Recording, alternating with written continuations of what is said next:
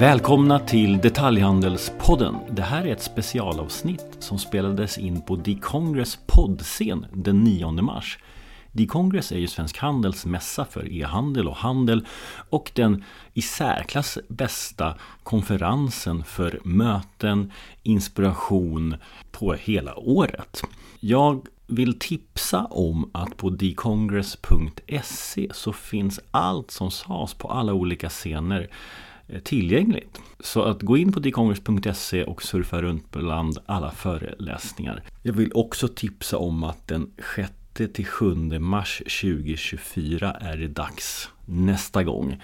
Jag längtar, ni som inte har varit där, tveka inte, boka upp er så ses vi där. Tack så jättemycket Svensk Handel att Detaljhandelspodden fick vara med.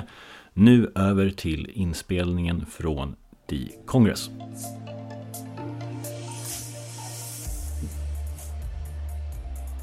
Hej! Hej och välkomna till eh, Detaljhandelspodden. Eh, jag som pratar heter Jonas Arnberg och jag har idag med mig två supergäster. Vi ska prata expansion via marknadsplatser och jag har till min hjälp Petra Sabo som är Chief Commercial Officer på Didriksson och Wille Kangasmukke Nordström, VD för Bubble Room. Varmt välkomna hit! Tackar! Tack så mycket! Och som ni märker, Magnus är sjuk. Första gången vi får göra världens roligaste inspelning så är han sjuk. Så att, tyck synd om Magnus. Och förhållningsregler är att vi på, som poddar här måste vara väldigt nära micken och vi kommer inte titta så mycket på er i publiken. Och det är inte, jag säger det på en gång, för det är inte för att eh, vara dryga utan för att det ska bli bra ljud. Vi kör igång. Vi kommer prata om eh, vi kommer prata väldigt mycket om Zalando eftersom ni är inom mode båda två och det är den regerande plattformen. Eh, vi kommer att prata om hur man kommer igång där, vad man ska tänka på, tips och tricks för att lyckas. Vi kommer också prata lite om eh, marknadsplatsernas utveckling. Men först bara för att komma igång, ge oss er status. Petra, börja du. Du har varit ganska kort tid på Didriksson men hunnit göra om strategin en hel del. Uppdatera oss.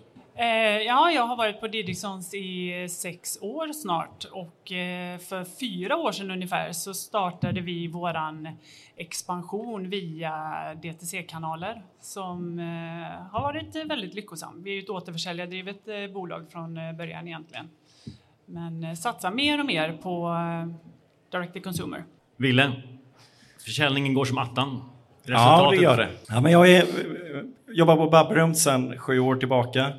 Vi jobbar med att vara en nummer ett livsstilsdestination för lyxigt, glammigt och feminint mode.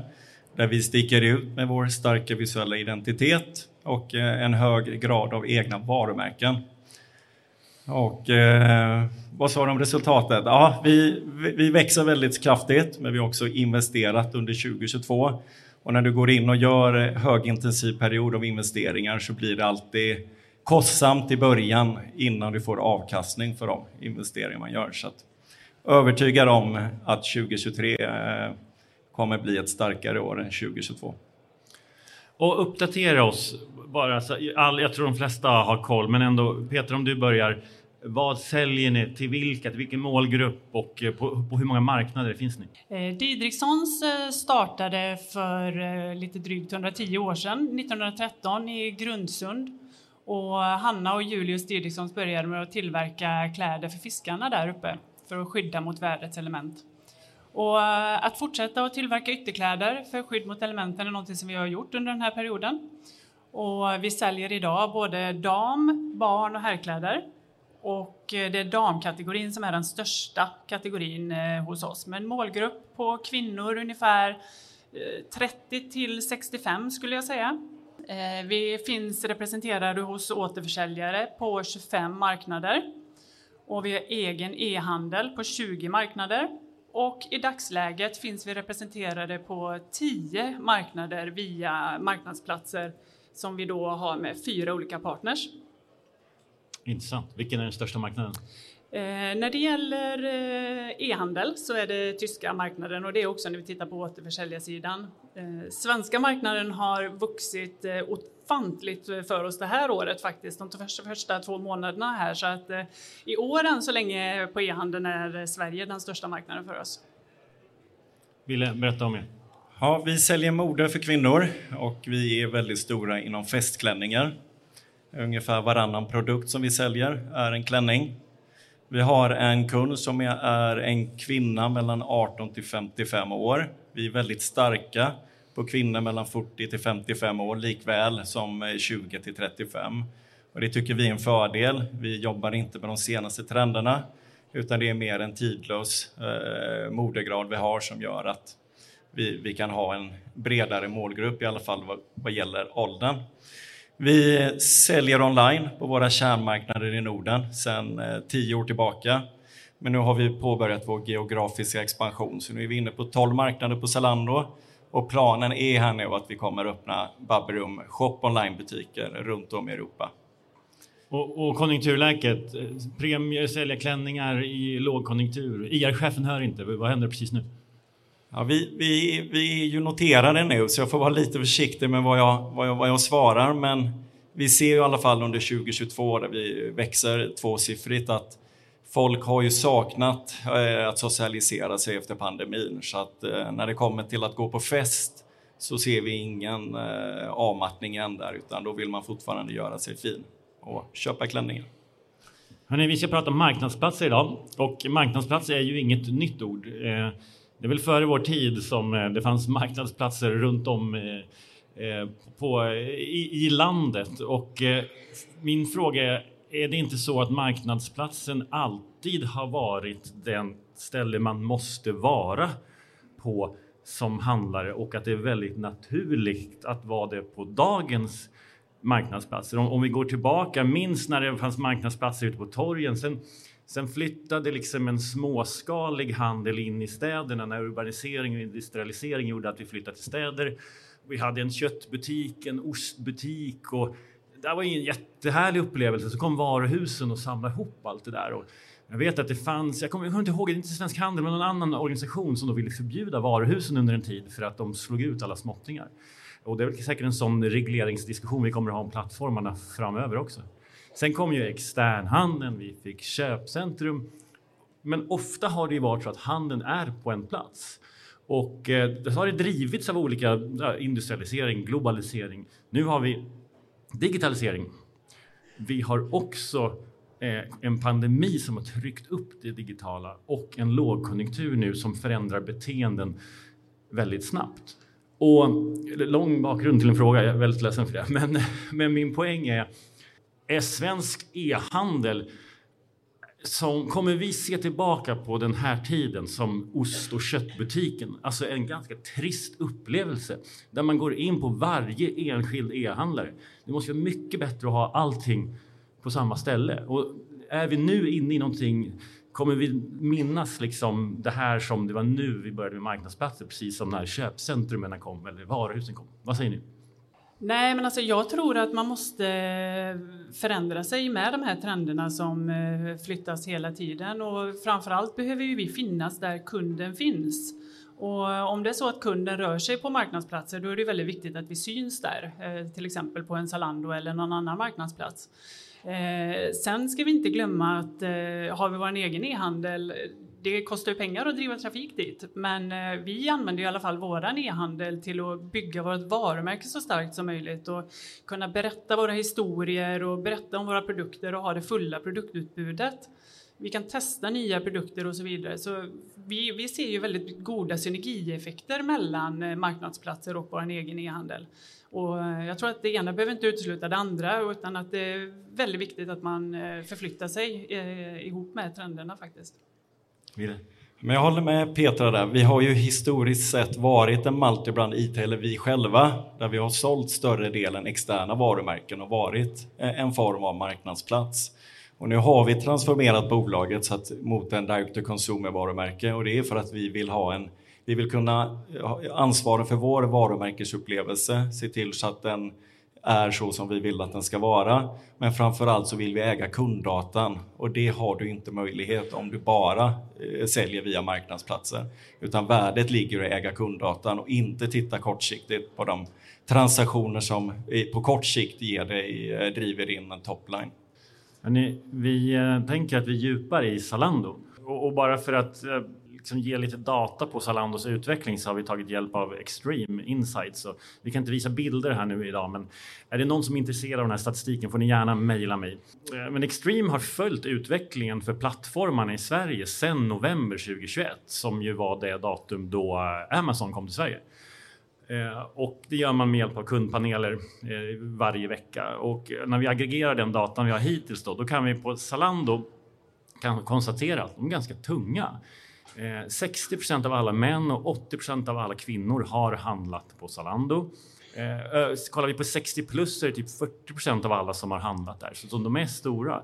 Och tittar man på köpresan så blir man nästan ännu mer imponerad. Inom till exempel damkläder så 31 procent av alla kvinnor som handlade damkläder började köpresan på Zalando och eh, en tredjedel av, gjorde också affären där.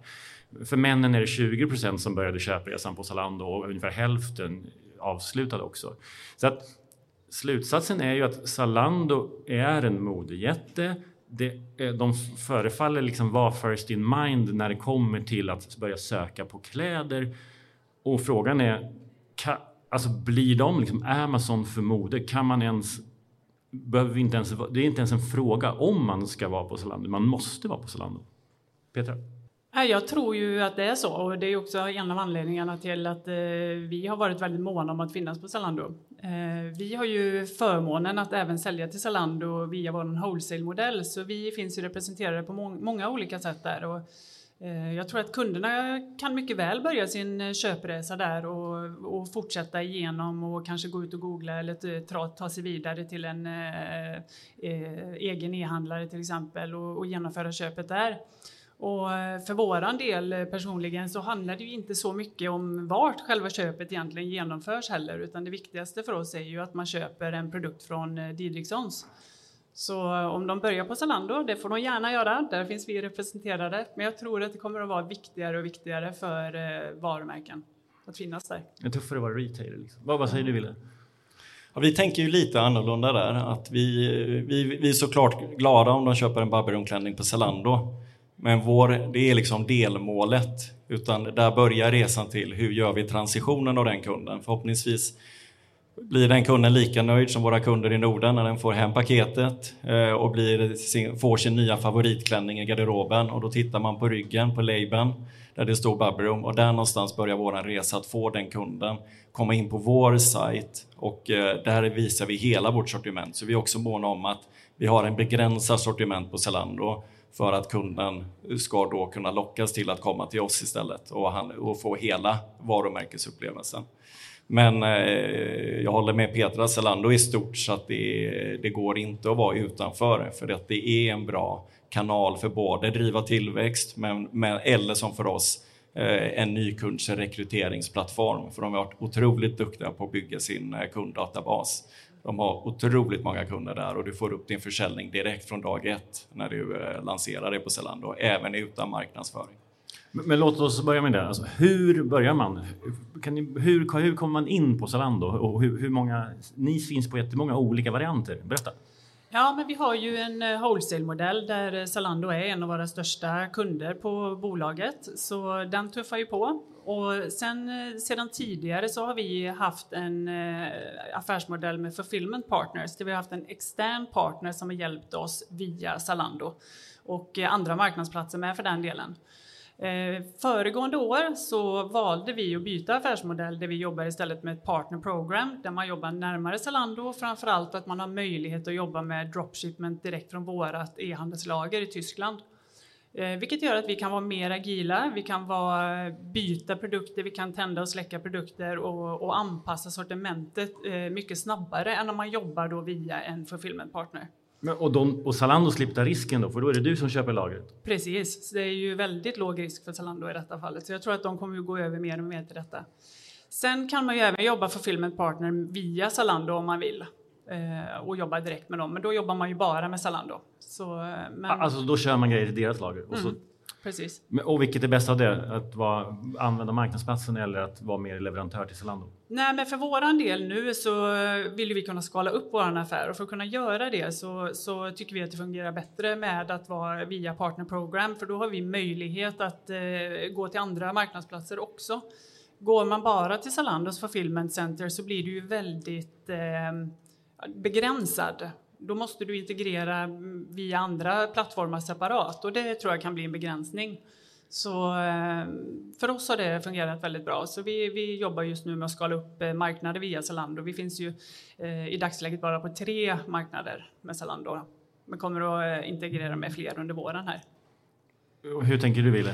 Ja, men vi, vi använder två olika modeller. Så på Zalando Norden i de nordiska länderna så skickar vi direkt från vårt lager direkt till Zalando-kunden och det tycker vi är bra. Det driver upp volymerna hos oss. Vi får ner kostnaderna och eh, vi får också möjlighet att faktiskt skicka vårt emballage med vårt fina rosa Bubble Room. Och, förlåt, om jag köper på Zalando, det kommer inte hem en Zalando-låda till mig utan det kommer Nej. en Bubble Room? Och det är jag fortfarande väldigt förvånad att Zalando tillåter för det är en fantastisk reklam för oss. Återigen, vi vill ju få över den kunden sen till att göra en transition och hitta till våran sajt. Och den marknadsföring vi får där i samband med att vi skickar vårt återigen fina rosa eh, emballage. Så att eh, för oss funkar det väldigt bra. Däremot så har vi lärt oss att när vi skickar det till Zalando-kunderna i Europa att ledtiderna blir längre, vilket vi inte är nöjda med och inte heller Zalando, för de mäter ju kundnöjdheten eh, på, eh, på sin sida och vi har ungefär samma mått eh, som, vi, som vi tittar på. Också att distributionskostnaderna blir väldigt höga för då skickar vi från vårt lager ut i Europa och eh, distributionskostnaden är ju baserad på volym. Så när vi använder Zalandos lager ut i Europa så använder vi ju eh, av deras eh, avtal för distribution och är det någonting Zalando har så är det volym. Så att då får du också ner kostnaderna, kortare ledtider. Däremot så tappar du ju flexibiliteten. I vårt lager så kan vi ju tända och släcka vilka produkter vi vill. Vi skulle kunna tända upp hela vårt sortiment på Zalando eh, beroende på om det är produkter som inte, inte har tillräckligt bra omsättningshastighet. I, eh, när vi skickar till Tyskland då tar vi ju lagerrisken. Då måste vi ju spekulera och skicka vad vi tror vi kommer sälja. Så att det, är, det är två olika modeller som, eh, som är olika bra beroende på vilka marknader man ska in på. Och man kan krångla till det för du har ju återförsäljare på Zalando som säljer Didrikssons grejer. Ja men precis. Zalando har ju varit väldigt eh, generösa med att eh, integrera via partner programs eh, och vi har ju många till exempel tyska återförsäljare som köper produkter av oss wholesale som också har möjligheten då att eh, sälja dem via plattform. Och eh, där krävs det ju att ha eh, lite mm, mer tunga rätt i mun när, man, när det gäller prissättning och så vidare. Då, hur Men det kan du inte ha koll på? Nej, och det är ju framförallt hur eh, prissättningen sker på sidan. Utifrån den så kommer ju produkterna prioriteras i olika rangordningar. Då. Men, men om en tysk återförsäljare tänker att nu jädrar ska vi rea ut Didriksson, vad, vad, säger du då? Sannolikheten att de ska göra det är ju inte så hög för det blir inte så mycket kvar på deras sida om de rear ut. Men eh, fördelen är ju att vi kan ju gå eh, via vår distributionsstrategi och välja andra typer av produkter jämfört med vad de då visar på Zalando. Och eh, vi jobbar ju väldigt mycket med det, hur vi kan ha den bästa produktmixen som inte kanske finns via wholesale eller återförsäljare på Zalando. Så vi får bättre synergier med vår egen e-handel där. Eh, Ville, du var inne på att du liksom nyttjar Zalando för din expansion. Och vi kommer tillbaka till det, men vi börjar andra änden. För det är väldigt mycket på plattformens villkor, hur, och hur de styr. Eh, kan vi ta lite om liksom, vad, vad bör man tänka på? Eh, Zalando utvecklas och uppdaterar hela tiden sin affärsmodell. Vad, vad, vad händer just nu? Jag tror Petra kan hålla med om att det är väldigt trubbigt och manuellt eh, att jobba inne på Zalandos partnerprogram. Eh, det är oerhört resurskrävande. Väldigt mycket manuella processer så att vi har eh, slitit oss slitit ordentligt med att få Zalando-affären att fungera. Och jag tror att någonstans där nu så sätter Zalando stopp så att nu har de satt stopp för expansion och nya marknader för sina partners. De tar inte heller in nya partners just nu och jag är eh, övertygad om att de gör det för att eh, är det manuellt på vår sida så är jag övertygad om att de har det lika manuellt på sin sida. Och de har vuxit så pass, så pass eh, kraftigt med partners så att jag tror att de gör lite underhållsarbete i organisationen just nu. Så om du vill nå en ny marknad i Europa nu, då kan du inte göra det? Inte just nu. Mm. Och, och andra risker då att liksom hamna i plattformens händer. Hur, hur, hur prioriterar de Didrik som till exempel på, på hemsidan? Men eh, Zalando kommer ju naturligtvis alltid prioritera det de har köpt in wholesale från oss i första hand. Eh, och det kan man ju förstå, för det har ju de på sitt lager och det är deras eh, risk och de vill sälja de produkterna. Är det väldigt enkelt så? Det som är på deras lager, det är överst? Ja, så är det. Och sen i nästa läge så sker ju det någon form av prioritetsordning och där är det ju fulfillment partners framför allt som kommer i, i nästa led eh, om du jobbar med Zalandos fulfillment. Så det kan ju vara en bra väg att gå för dem som eh, bara vill gå till Zalando till exempel som, som inte har så mycket interna resurser. Då kan ju det vara en, en eh, smidig väg eh, att gå. Men eh, för oss som jobbar med partner program kommer ju i nästa hand då och sen handlar det mycket om Eh, hur, eh, vad man får för nöjd kundpoäng och så vidare. Och så sen är det ju pris eh, som är sista prioriteten då. Så det är, Zalando kommer ju alltid prioritera det lägsta priset. Ja, men det gillar vi konsumenter. Ja. Ville, vad säger du på det? Nej, men för oss har det varit väldigt viktigt att vi vill äga just produkt och pris. Så att vi, vi kör inte med återförsäljarled och vi har inte heller återförsäljare som säljer våra produkter på, på Zalando. Och det var egentligen det, de skallkraven vi hade när vi tittar på marknadsplatser. Vi vill, vi vill, vi vill kunna ha full kontroll över våra, vilka produkter vi säljer och till vilket pris. Och vi, vi vill inte riskera att eh, priset urvattnas av att någon annan prisdumpar i och med att kunden, det är en full pristransparens där. Skulle Zalando dumpa våra priser så skulle våra, våra Babylon-kunder handla på Zalando istället för att det är, det är en så pass hög grad av pristransparens på nätet. Så det, var, det var våra skallgrav och de styr vi över. Men, men det är klart, Zalando styr ju allt annat och de har också möjlighet att förändra villkoren för dig. Så att det står ju helt i händerna på dem. Så att för oss är det mer balansen nu på kort sikt. att Det, driver tillväxt, men vi vill inte bli alltför beroende av det. För vi vet också att då, då är det ut, utanför vår kontroll och det måste vi eh, liksom riskminimera. Så att vi kan, inte, vi kan inte räkna med samma volymer nästa år, för vi vet inte hur de ändrar sin kommissionsupplägg. Finns det Utifrån allt det ni berättar, finns det någon eh, maxandel man bör köra? Alltså, jag tänker att ni har er egen e-com, ni kanske kör wholesale, ni kanske har någon butik. Vilken är det gyllene procenttalet på så här mycket kör jag via marknadsplatsen? Eh, vi har faktiskt ingen sån eh, procentandel som vi pratar om utan vi försöker hela tiden eh, vara agila och flytta affären dit kunden finns. Och Didriksson är ju ett återförsäljardrivet bolag från första början och det är ju ingenting som vi har planerat att ändra på. Däremot så använder vi våran DTC-modell för att bygga vårt varumärke starkare och, och, och, få en högre varumärkeskännedom och efterfrågan bland konsumenterna. Så eh, det är nog snarare så vi jobbar med eh, vår DTC-modell. Eh, vi växer ju väldigt tryggt och stabilt och framförallt lönsamt med återförsäljarna i grund och botten. Så när det gäller DTC då, då, flyttar vi lite mellan kanalerna när det behövs och eh, exempelvis under pandemin hade vi ju möjligheten när återförsäljarledet eh, backade lite och drog i handbromsen. Då kunde vi växla upp istället via e-handeln så att eh, vi försöker att inte säga att det ska vara eh, ett visst eh, procentantal eller en viss andel utan vi, vi är agila och eh, tänker nytt varje dag när vi kommer till jobbet helt enkelt. Nej, vi har heller ingen siffra och hade vi haft det så hade jag ändå inte fått nämna det. Men eh, vi, för oss är det viktigare att se hur stor andel av Zalandos försäljning, hur många av de kunderna kan vi driva till vårat eh, e-handel. Och den är ju mycket svårare för det, där har vi inte datan om våra nya kunder har de handlat hos oss innan på Zalando, för den datan delar ju inte Zalando med sig. Men vi, vi, vi, vi, har andra sätt vi kan mäta det på. Vi kan se, är det kannibalism eller driver vi nya kunder? Och den, det, det, är ett väldigt viktigt mättal, inte hur stor andel Zalando blir i sig i förhållande av vår totala försäljning. Ska vi prata lite om strategier, era strategier på plattformen? Eh, börja med, hur väljer ni en ny marknad? Är det någon som mejlar dig Petra från Tyskland och säger hej, varför finns inte Didriksson här? Eller är det Zalando som tar initiativet som visar, vi, vi har så här många tyskar som vill ha de här grejerna? Hur funkar det? Eh, nej, men vi, eh, vi, ser, vi försöker hitta nya möjligheter hela tiden. Det är väl eh, så vi försöker göra och vi vill ju expandera och vi har ju expanderat väldigt fort via vår egen e-handel till exempel.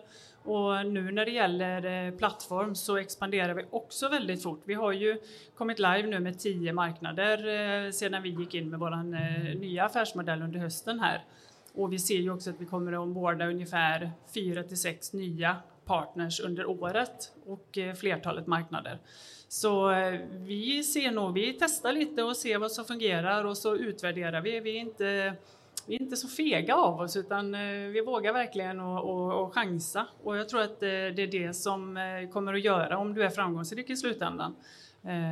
Vi har en, en, ledning och ägare på vårt bolag som också låter oss prova väldigt mycket, vilket jag tycker är fantastiskt oftast går det väldigt bra. Ibland kan det hända lite missöden, men väldigt sällan och desto fler gånger så lyckas vi istället. Men är det också en av fördelarna med Zalando att det är ganska lätt att prova? Alltså man minns ju så här historier om svenska företag som har misslyckats i Tyskland, Lindex och jag vet inte, alla, alla möjliga. Liksom. Den tiden är lite förbi. Här kan man testa sig fram. men vi har ju fördelen för Didriksson har varit att vi fanns med återförsäljare på den tyska marknaden eh, redan när vi gick in på marknadsplats och med egen e-handel som vi öppnade för några år sedan. Så vi hade en relativt hög varumärkeskännedom dock låg i det totala sett i Tyskland, men det fanns varumärkeskännedom. Så eh, för våran del så eh, tänkte vi att vi, vi, vi provar helt enkelt och så har det fungerat väldigt väl. Hur har, ni, hur har ni valt Wille? Ja, men tittar man på vår strategi så vill vi ju lansera Babberum shop online-butiker runt om i Europa. Och det är ju vår slutdestination. Det är där vi säljer direkt till kund och det är där vi får äger kunddatan på vägen dit så tycker vi Zalando är en eh, utomordentligt bra eh, plats att påbörja sin geografiska expansion. Vi valde att gå in i 12 marknader inom loppet av ett år och nu samlar vi på oss värdefull data. Alltså vi, vi, vi kan ändra priset, vi kan se vad är returgraden, vad är bruttomarginalerna, vad är kund, kundanskaffningskostnaden och så vidare. Så att det här kom, den här datan kommer vi använda oss sen när vi går ut i Europa. Också att gå ut i Europa där vi inte har någon varumärkeskännedom, det kommer kosta i början. Det här är i och med att Zalando har så stor andel av marknaden, du sa 20-30 procent där bland kvinnor som handlar på kläder, gör ju att vi bygger varumärkeskännedomen redan i förväg innan vi lanserar oss på en marknad och det ger också oss ett renommé att kunderna känner igen oss i de här marknaderna och att vi, anser, vi, vi tolkas vara lite mer lokala då eftersom de har känt, sett våra produkter sedan tidigare. Så att det, det är ju liksom vår strategi. Sen, sen får vi se när vi, eh, när vi lämnar marknadsplatsen eller om vi kommer fortsätta med det också. Men äh, återigen, det, det här är ett delmål för oss på, på vår resa längre fram. Och vad eh, är det smartast? Då körde du flera stycken på en gång. Det är inte smartare att ta en i taget och lära sig. Det är bättre att bara köra. Nej, utan det är vad jag anser då att gör man för långa förstudier och man blir inte alltid klokare på det och så visar det sig oftast ändå att förstudien hade fel. Eh, jag gillar gärna att man provar sig fram, går in på så många marknader och vi blir förvånade själva. De marknader vi trodde mest på har visat sig att inte vara de mest lyckosamma och så är det de lite oväntade marknaderna som har vuxit och blivit jättestora på Zalando. Så att det är, för mig är det alltid, jag föredrar att testa i, i, i produktion, alltså på en riktig miljö och, eh, och sen börja optimera därifrån än att försöka spendera tid på förstudier och du tappar tid och du får ändå ingen. Det skapar ingen kundvärde och det skapar absolut ingen tillväxt i bolaget. Och ni har också en produktstrategi där du har vissa produkter på Zalando men du vill säga helst att kunden sen ska ta sig till er sida. Precis. Hur, hur väljer du ut de som är på Zalando? Men vi väljer både det utifrån datan, vad vi ser säljer, så är det klart att vi säljer det, för ju mer vi säljer, ju mer kunder är det som hittar till våra produkter. Men vi tittar också strategiskt, vilka produkter representerar oss som bolag? Vilka är de mest representativa produkterna för oss? för att de ska förstå vilka vi är och vad, vad vi är för slags varumärken. Så att det är en kombination av de två parametrarna. Sen så börjar ju resa med att man kan ju ändra priserna och det är ju det vi optimerar nu. Att vi, vi sänker och ökar priserna och ser i vilken marknad kan vi sälja till vilket pris och där någonstans så kan vi också se en börja bygga våra kalkyler inför vår kommande geografiska expansion av Babberum-butiker. Är det, är det många produkter som har funkat mycket bättre än vad du trodde? Alltså för, för ja. via Zalando når du också en helt ny marknad. Jo, men det är det. Och det finns ju produkter som säljer uh, riktigt bra på Zalando och så säljer det inte lika bra på vår onlineaffär. Så att vi, vi har lärt oss väldigt, väldigt mycket av att gå in på och jag tror Peter har sagt det tidigare när jag pratat med henne att de använder Zalando för produktutvecklingen och det är, det är samma här. Det här eh, vi, vi får mer data kring våra produkter och vårt inköpsteam eh, kan vässa och optimera sitt erbjudande. Vad säljer bäst för, hos er? Eh, nej, men damparkas är ju vår största kategori, absolut. Men eh, om man tittar till exempel som Zalando som köper wholesale från oss, då, då köper ju de in precis som alla andra återförsäljare, oftast ganska säkra produkter. Produkter som de kanske har haft i sitt sortiment under tidigare år och som de har data på. De är ju inte så villiga att ta någon risk. Och det gör ju lite att vi hamnar i en situation där vi inte kan ta vår produktutveckling framåt för vi får inte ut våra nya häftiga coola produkter som vi är jättestolta över eh, till våra återförsäljare eh, för de inte vill ta de här riskerna. Och det ger ju oss en möjlighet att prova nya produkter via en marknadsplats eller vår egen e-handel på ett helt nytt sätt som inte har eh, skett innan. Och det har gjort att vi har utvecklat våra kollektioner något så enormt mycket de senaste åren. När vi har data för varje dag vi kommer in till kontoret så kan vi se vad vi har för data. Och vi kan ju se returorsaker och, och eh, köpmönster och storlekar och så vidare som, som lär oss väldigt mycket och kunna förbättra vår affär och, och det, det har varit väldigt gynnsamt för oss. Hur har eh, marknadsplatsstrategin hjälpt er att utveckla de andra kanalerna, e-com, butik, wholesale? No, jag vet inte om de har hjälpt oss så mycket egentligen. Vi utgår väl oftast ifrån vår egen e-handel, för precis som eh, du säger, här, vi vill ju, det är ju där vi egentligen vill att affären ska ske, absolut. Sen för vår del så är det viktigaste att man skapar en lojalitet och att du köper Didriksons. Men eh, det är ju ett sätt för oss att nå ut till flera kunder. Eh, Zalando har en kundbas på 50 miljoner kunder. Självklart är det otroligt attraktivt för oss att eh, finnas där och få en liten del av den kakan. En dum fråga. Varför vill man ha försäljning själv och inte via Zalando? Är det bara på deras avgift eller har det med andra saker att göra också? Nej, men naturligtvis handlar det om eh, marginaler, men, men det handlar också väldigt mycket om att kunna få data helt enkelt. Eh, kunna läsa av köpmönster och eh, har vi en kund i vårt eh, CRM-system så har vi naturligtvis lättare att kunna kontakta kunden och, och eh, erbjuda eh, nyheter på ett annat sätt än vad vi har via en marknadsplats. Ja, jag håller med. Så det, värdet ligger i kunddatan. Att, att ha, eh, se till så att din kunddata hela tiden växer och att du kan Eh, Eh, riktar in kundkommunikation direkt till kunden. För det är, det är dyrt idag med Google och all, all, all betald marknadsföring är, är ju väldigt dyrt. Och få lönsamhet inom e-handel så behöver du lyckas med att få en bra kundrelation och få kunderna att handla av det utan att de passerar, eh, inte fängelset, men Google. Eh, så det är ju enormt viktigt. Sen finns det ju nackdelar när vi säljer via Zalando då är det helt plötsligt ett annat bolag som bjuder på, eh, på samma produkter som vi bjuder på. Så att eh, i, i viss mån så driver de ju upp, upp våra marknadsföringskostnader. Men det är en, det är en, det är en förhandlingsfråga, men eh, det är svårt att, att förhandla med tyskarna. De, de är så pass stora. Hur tror ni att nu är det ju, om, om vi jämfört med den här ost och köttbutiken och så på den tiden var ju handeln väldigt nationell. Nu finns det en väldig möjlighet att hela tiden jaga nya marknader. Finns det en risk att ni hela tiden vill iväg och, och missar att skörda på era befintliga marknader? Nej, men så är det och vi, vi märker ju fortfarande om att just nu har vi inte bråttom att expandera till fler marknader för just nu ser vi att vi kan optimera. Vi lär oss så mycket för varje dag i de, i de 12 marknader vi är inne på Zalando. Så just nu så ser vi till att optimera befintliga marknader. Också för att Zalando har satt stopp för det, men för oss, vi hade nog eh, stannat här just nu och, och, och skördat de, de, de framgångar vi har just nu. Vi expanderar gärna så mycket som möjligt.